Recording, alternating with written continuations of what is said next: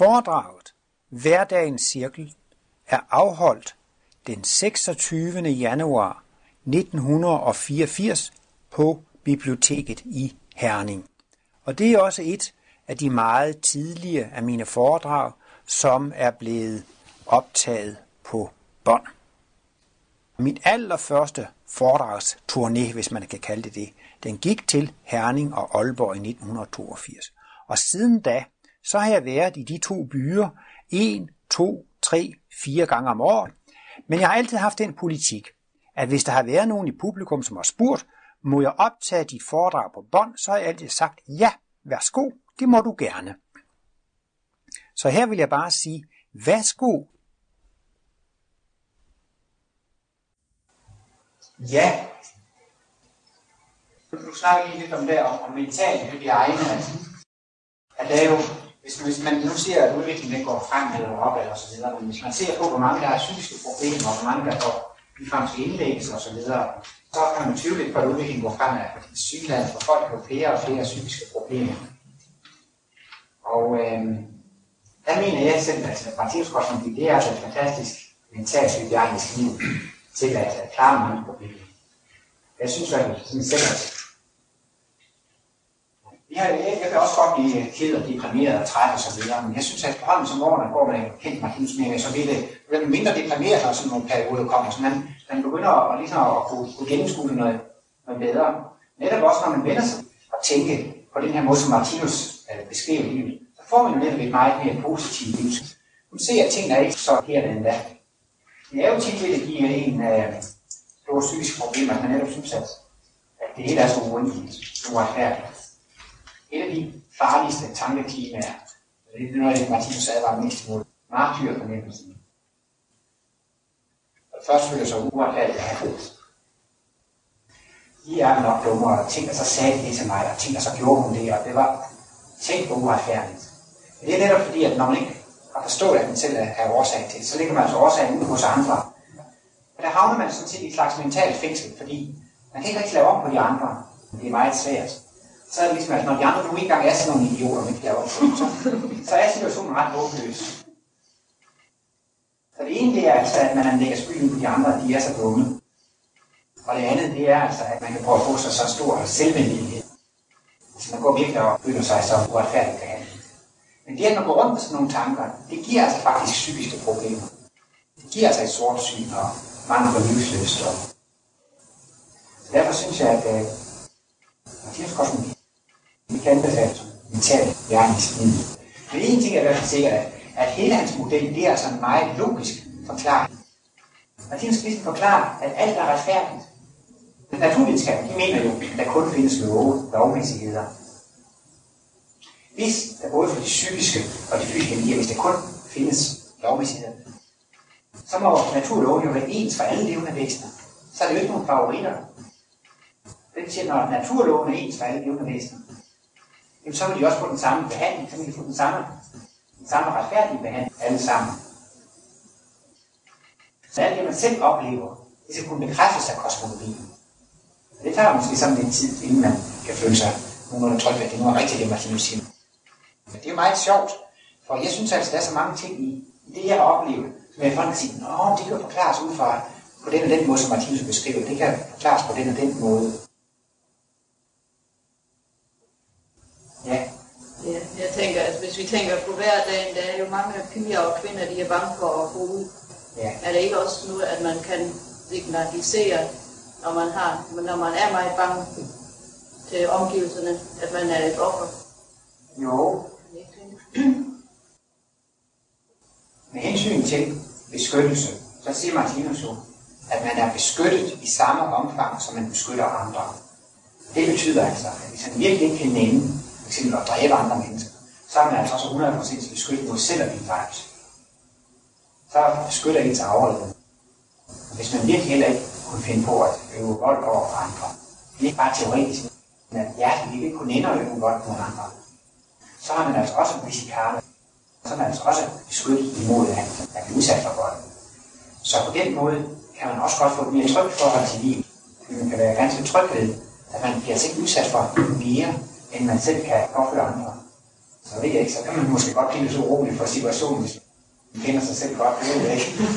Men, øh, men det kan måske nok nogle gange, når du siger kvinder og sådan noget, så har jeg også nogle gange selv undret mig lidt over det, for eksempel hvis, hvis en kvinde bliver udsat for, at man kan jo vold på forskellige måder, udøve psykisk vold, altså som sige, selv svage kvinder kan udøve det meget psykisk vold. Og om ikke andet, så kan det også være, at kvinder har sige, vold over for børn, når man har slået dem. Sådan. Man kan altså prøve at se på det på den måde, at man er beskyttet i den grad, som man beskytter andre. Men der mener jeg, at øh, Martinus kosmologi kan være med til at give en større tryghed i tilværelsen. Sådan så, at man behøver ikke at være bange, hvis man ikke selv kan gøre det. Men der er dog lige grænser for, hvor dumt man skal opføre sig. Men det kan godt være, at det ikke ligger i ens skæbne og blive kørt ned af en lastbil. Det kan godt, det ligger overhovedet ikke i ens skæbne. Men hvis man lige pludselig bestemmer sig for, at nu hopper jeg altså for en lastbil, så bliver man altså kørt ned. Selvom det ikke lå i ens skæbne. Fordi at nu tog man den beslutning, og det var en tosset beslutning. Det var en skør beslutning. Martinus anvender et udtryk, som han kalder intelligensbrud. Intelligensbrud. Det vil sige, at man har handlet logikkens love, og hvis man gør det, så det ikke være mere dumt end højst nødvendigt. Jeg mener, hvis nu, for eksempel, at man er kvinde og kommer til New York, og man får absolut at vide, det her det er det værste slumkvarter, man overhovedet kan forestille sig. Hvis du går herned igen om natten, så er det næsten sikkert, at du bliver slået ned og så videre. Så mener jeg nok, at man skal høre sådan en advarsel og lade være med at gøre det. Og der mener jeg måske, at det er intelligensrådet siger, ja, men jeg har aldrig finde på at slå noget ned, så nu været jeg hernede i, i det her værste volds- og slumpartier. Så jeg mener, at hvis bare man tænker sig om og synes, at det her det er der ikke direkte at udfordre skæbnen, og så synes jeg, så kan man være ganske trygt ved, at det ikke sker ikke noget, som man ikke kan, kan, kan vide andre. Man, man bliver ikke udsat for noget, man ikke kan ende. Der bruger Martinus også det her princip med søndernes forladelse. Her måske også godt være, at man tænker tilbage, og jeg har gjort det der, det der, det var galt. Eller skal jeg nu virkelig gå og på, at det havler ned over mig lidt senere? Der er der altså mulighed for at forbedre sig. Og så slip for de uheldige virkninger. Fordi meningen med det er, altså, at man skal udvikle sig frem til at blive udkommet. Hvis jeg nu har slået 20 mennesker ihjel, så kan det jo være, at jeg er så kvik, så når jeg vil slå ihjel 15 gange, så siger jeg mig selv, der er ikke nok, ikke, ikke nok med at sige, at det ikke er hjerteligt nemt at slå andre ihjel. Jeg har virkelig lært det, at jeg kan ikke få mig selv til at slå andre ihjel. Ja, så, så slipper jeg for de sidste fem gange. Og så kan man spørge sig, hvad er meningen med, at jeg skal slå ihjel fem gange mere, når jeg har lært lektien her i min skole? Så er det meningsløst. Men det er altså ikke noget, der er meningsløst i livet og tilværelsen. Alt har en funktion og en opgave og en mission. Det kan også være, at man indser, at man har sagt noget til folk, og, og, som har såret og sådan noget. Men så kommer man til erkendelse af, at man har såret dem, og man kan virkelig mærke, nej, det kan jeg virkelig ikke nænde at gøre mere. Så behøver man heller ikke være bange for, at det skal komme tilbage. Hvis man altså ikke alene er forstands, men også er hjertet, der har lært det, så bliver man fri af det. Og ellers vil jeg selvfølgelig nok sige, at det kan være lidt trist at tænke tilbage på de ting, man har gjort i tidens løb, og så bare skulle slå ind på, at de har været ned over, over hovedet på i fremtiden. Man har mulighed for at forbedre sig i livet. Der har man tit også tegnet et symbol over syndernes forladelse. Ja, sidst du sagde der, du sagde før, at uh, man længere slår andet menneske. Det behøver ikke at være så groft. Vel? Nej. Altså, der er mange måder at dræbe på, du også var inde på. Og, altså, Ja. jeg skal sige omvej og så videre. Ja. Det er... Og lige hvordan det går. Jo, men det måske også lidt Flest vide. Ja. Fordi sådan som Martinus beskrev det, så er der egentlig ikke nogen principiel forskel på dyrene og menneskene. De er opbygget på den samme måde. Og selv hvis man ser de højere pattedyr, de har jo øjne og ører og næse og mund og de samme nervetråde, ligesom vi har. De er bare ikke så langt frem i udviklingen, men i princippet er det levende væsen ligesom os, der får ret til at opleve livet, som vi har. Og netop det, at, vi spiser kød og, og slår dyrene ihjel, det er en af menneskehedens største problemer. Men Martinus han siger det, og jeg siger det ikke for at kritisere folk, at de spiser kød og så videre. Det har, det har jeg selv gjort, og det har menneskeheden jo gjort i 10.000 år. Men, øh, men netop det, at, at man slår dyr ihjel, er skyld i, at man også selv bliver udsat for en, en grov karma. Måske behøver man ikke nødvendigvis selv at blive slået ihjel, men øh, man kan blive udsat for ulykker. Når man er med til at slagte dyr, så er det jo ikke fordi, at man er, er og havde over for dyr. Og dyrene, de oplever det også nærmest som en ulykke, at de lige pludselig bliver trukket til slagtebæk og slået ihjel. Det er jo ligesom en ulykke, der pludselig sker i deres liv. Derfor kan man også få virkninger på samme måde, at der pludselig sker en ulykke i vores liv. Martinus har sagt, bilulykker, det kan altså være virkningen, det kan altså være virkningen af, at man har at man slå dyr ihjel, blandt andet ved at spise. Der er simpelthen også, at bilulykker, det er jo ikke noget, der er sket på basis af ondskab. Vi slår heller ikke dyrene ihjel af ondskab. Og netop også ved bilulykker, man der er det også tit skarpe genstande, glas som metal og sådan noget der, der skæres ind i vores krop. Ligesom man jo faktisk også skærer med skarpe metalgenstande i dyrene. Martinus mener også ovenkøb, at for mennesker på deres nuværende der er det usundt at spise kød. Det skyldes altså noget af den mere åndelige struktur, vi kører sig. De vibration af den kød, det er nedbrydende for vores helbred. Det anbefaler snarere, at man spiser frugter, grøntsager, korn, kerne, produkter. Så kan man netop også på grund af det havne på sygehus. Og der får man sådan set næsten den samme skæbne, som man underkaster dyret netop at der bliver skåret i en med metalgenstande. Og Martinus, han har i har sagt, at der kommer nok en tredje verdenskrig. Og det er faktisk en uundgåelig konsekvens af, at mennesker over hele kloden slår dyrene ihjel. Det er næsten umuligt at undgå en krig, fordi man skal have virkningen. Der er altså ikke noget land, der kan opbygge så stærkt et forsvar, at de kan beskytte sig i en krig. Den eneste beskyttelse, der er mod krig, det er at holde op med at anvende det dræbende princip, både mod mennesker og dyr. Og hvis der fx var et land, hvor der ikke var nogen, der slog andre mennesker ihjel, og hvor der heller ikke var nogen, der slog dyr ihjel, sådan et land, det vil altså være fuldstændig totalt beskyttet mod krig. Altså det bedste forsvar, man overhovedet nogensinde kan få, det er selv at holde op med at anvende det, det dræbende princip. Martinus har også sagt, at de 10 bud kunne egentlig erstatte sig et bud. Netop det femte bud. Du skal ikke dræbe. Fordi man gør så slå andre folks livsløst i deres humør ihjel. Så hver gang man siger noget store andre, så er man jo ikke at dræbe deres livsløst, deres humør og så videre. Vil du sige, at jeg tænkte, når man ud fra en slagteriarbejde, så er det udsendt en vegetar?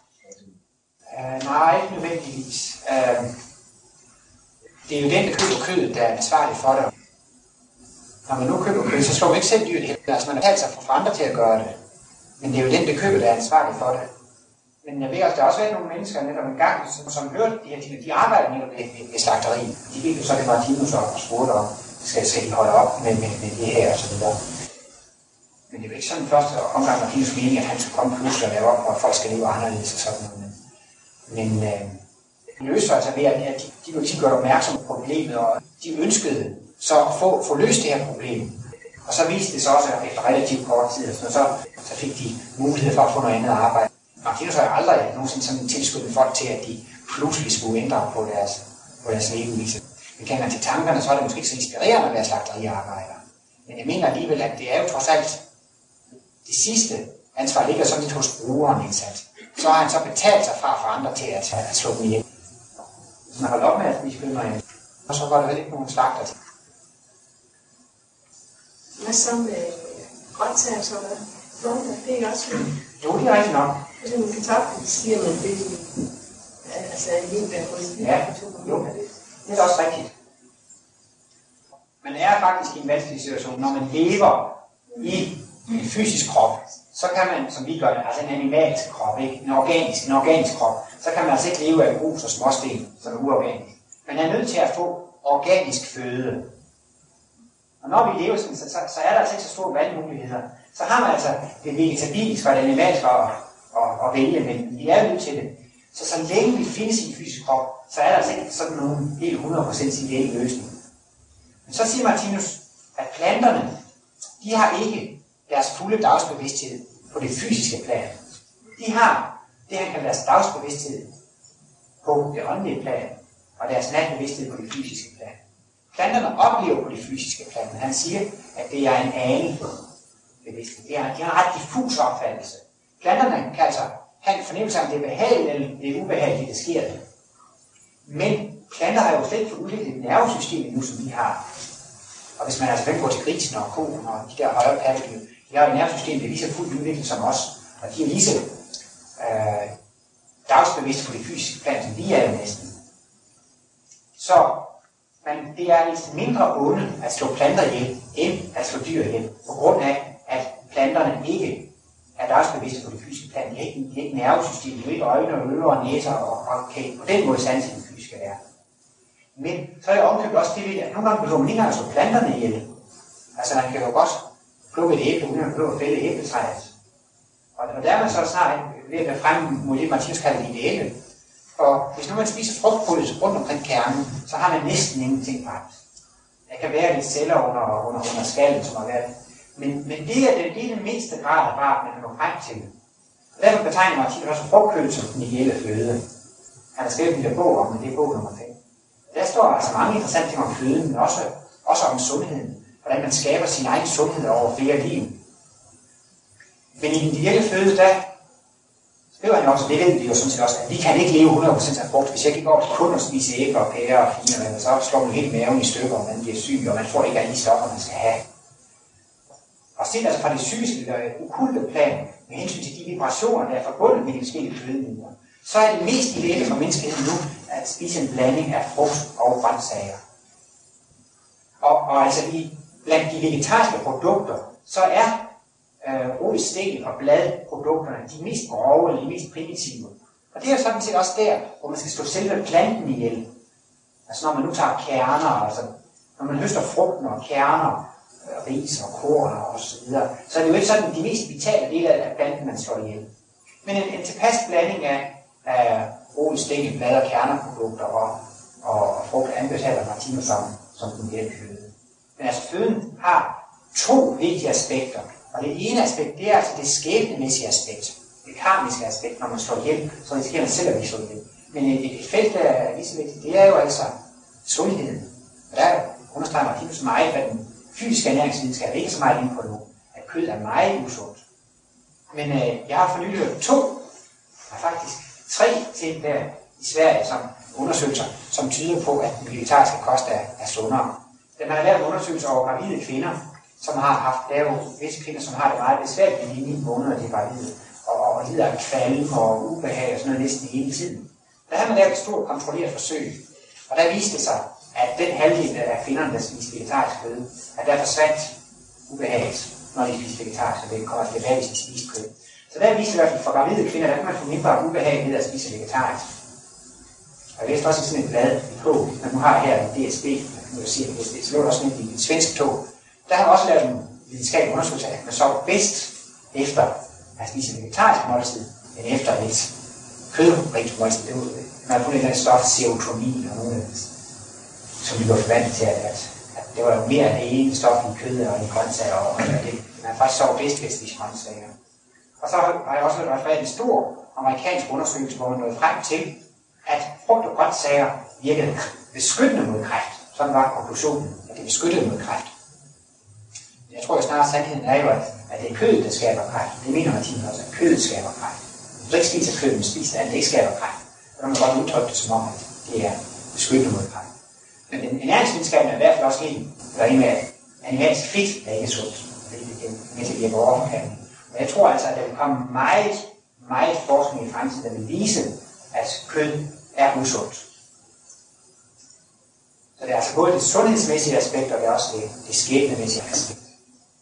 Men der skriver Martinus blandt andet også i Nette Føde, hvordan man kan ødelægge sit helbred over flere forskellige liv. Det er ikke ligegyldigt, hvordan man lever.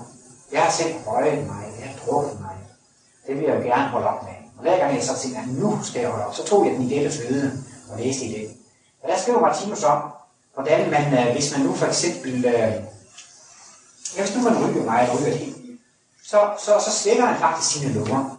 Og så øh, får det altså den konsekvens, at næste gang man bliver født, så bliver man altså født som et barn, der har lidt svage lunger, der er måske ikke tendens til astma og, og, og, og, og lungesygdomme. Så, så forestiller man sig selv, at næste gang jeg skal føde, så vil jeg sørge at være en lille sund, frisk, kæk dreng. Og jeg, Så, så det tænkte jeg, at man kunne måske nok holde ud med en hose lidt om morgenen og røge cigaretten. Jeg synes, at det var lige at tænke sig, at man, at man skulle fødes lidt, lidt syge, lidt svage næste gang. Det brød jeg mig ikke så meget om.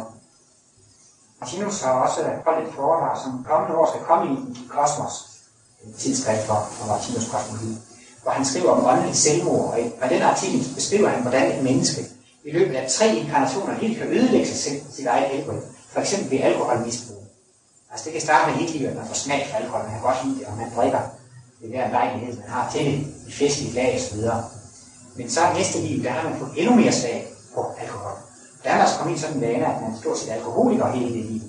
Og, og, og, og, og så det næste liv igen, der, der kan man måske ikke passe sit arbejde, men man simpelthen ryster med bare at blive ved med at, Og, og øh, øh, det kan altså, når man så, altså David, man kan jo få skrumpelig, man kan simpelthen få skrumpelig hjerne af, af, af alkohol. Det er til grund med, at hjernen skrumper. Og, og der har man faktisk ødelægget sine talentkerner for normal brug af en hjerne, for normal skabelse af en hjerne. Så det kan altså, når det er kørt helt ned ad skråplanen, medføre, at man bliver født som åndssvag i næste liv igen. Så. Det er altså forklaringen på åndssvage og handicap mange af dem. Nu kan man jo have pillemisbrug, medicinmisbrug, stofmisbrug, narkotikamisbrug og alkoholmisbrug. Man kan ødelægge sin krop på mange og mange forskellige måder. Og derfor kan man også blive født med et utal af forskellige handicap. Men logikken i det er altså, når, for det første, altså, at man har ødelagt sin egen krop, man har ødelagt sine talentkerner fra skabelsen af en krop, og det var netop det, eller fornemmeste, man kunne skabe, det var sin egen krop. Man kommer altså til at opleve konsekvensen af, at ens krop er også et leveunivers. Man kommer til at opleve konsekvensen af at ødelægge sin krop, at man kommer til at leve et helt liv i en defekt krop. Og øh, det har jeg også det logiske i det, at det er naturens stoppunkt for yderligere misbrug. For er man født som hyperopsatsen, så kan man ikke skaffe sig sin øl og sin spiritus og sin stofmål. Der er man så hjælpeløs, man er fuldstændig beroende af andres pleje og omsorg. Så det er sådan set fra naturens side en, en stopbog, for nu kan misbruget ikke fortsætte. Og fra det øjeblik af, der går det altså kun fremad imod udviklingen igen. Og det er jo også, øh, det er jo også interessant at se i det perspektiv, fordi så forstår man, at det er ikke ligegyldigt, hvordan man behandler de åndssvage handicappede. De skal ikke bare parkeres et sted til de dør. Og det kan jeg godt forstå, at, at folk har en livsteori, de sådan set bare venter på, at de her åndsvage skal dø, fordi så er vi fint for at pleje dem og passe dem mere. Men når man forstår, at de skal tilbage til normaliteten, så forstår man hvor vigtigt det er, at man arbejder med dem, at man stimulerer dem. Det kunne man måske bruge mange arbejdsløse på, hvis man ville det, til at arbejde med, med åndsvage handicap, som eller højeste grad er understimuleret. Mere man hjælper, jo, jo lettere får de ved at fortsætte det kommende liv. Og så kan man altså også i løbet af to-tre liv komme helt tilbage til fuld normalitet igen. Men der vil man altså have en oplevelse dybt inde i hjertet, det her stofmisbrug eller alkoholmisbrug, at man aldrig vil gøre det mere. Så er man altså 100% beskyttet på fordi man har været ude i. Jeg kender en, der arbejder med sådan nogen, som, som sagde, at de virkede meget glade lige det øjeblik, de vågnede. Men så blev de ret hurtigt kede og deprimeret. Og jeg tror, det hænger sammen med, at når de sover, så er de sådan set i den åndelige verden, hvor de ikke lever i en fysisk handicappet krop. Men når jeg så vågner om morgenen, og ligesom bliver opmærksom på, at de lever i en defekt krop, så bliver man jo lidt, lidt deprimeret.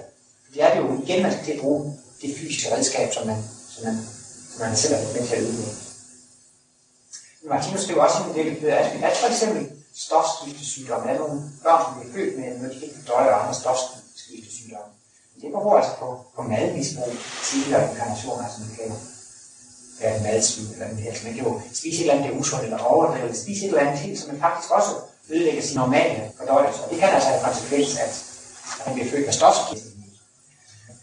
Kan gå den den, den ideelle føde, det, er- den, den står der i borgens, øh, der står den som, som nummer 5, altså det ligger der.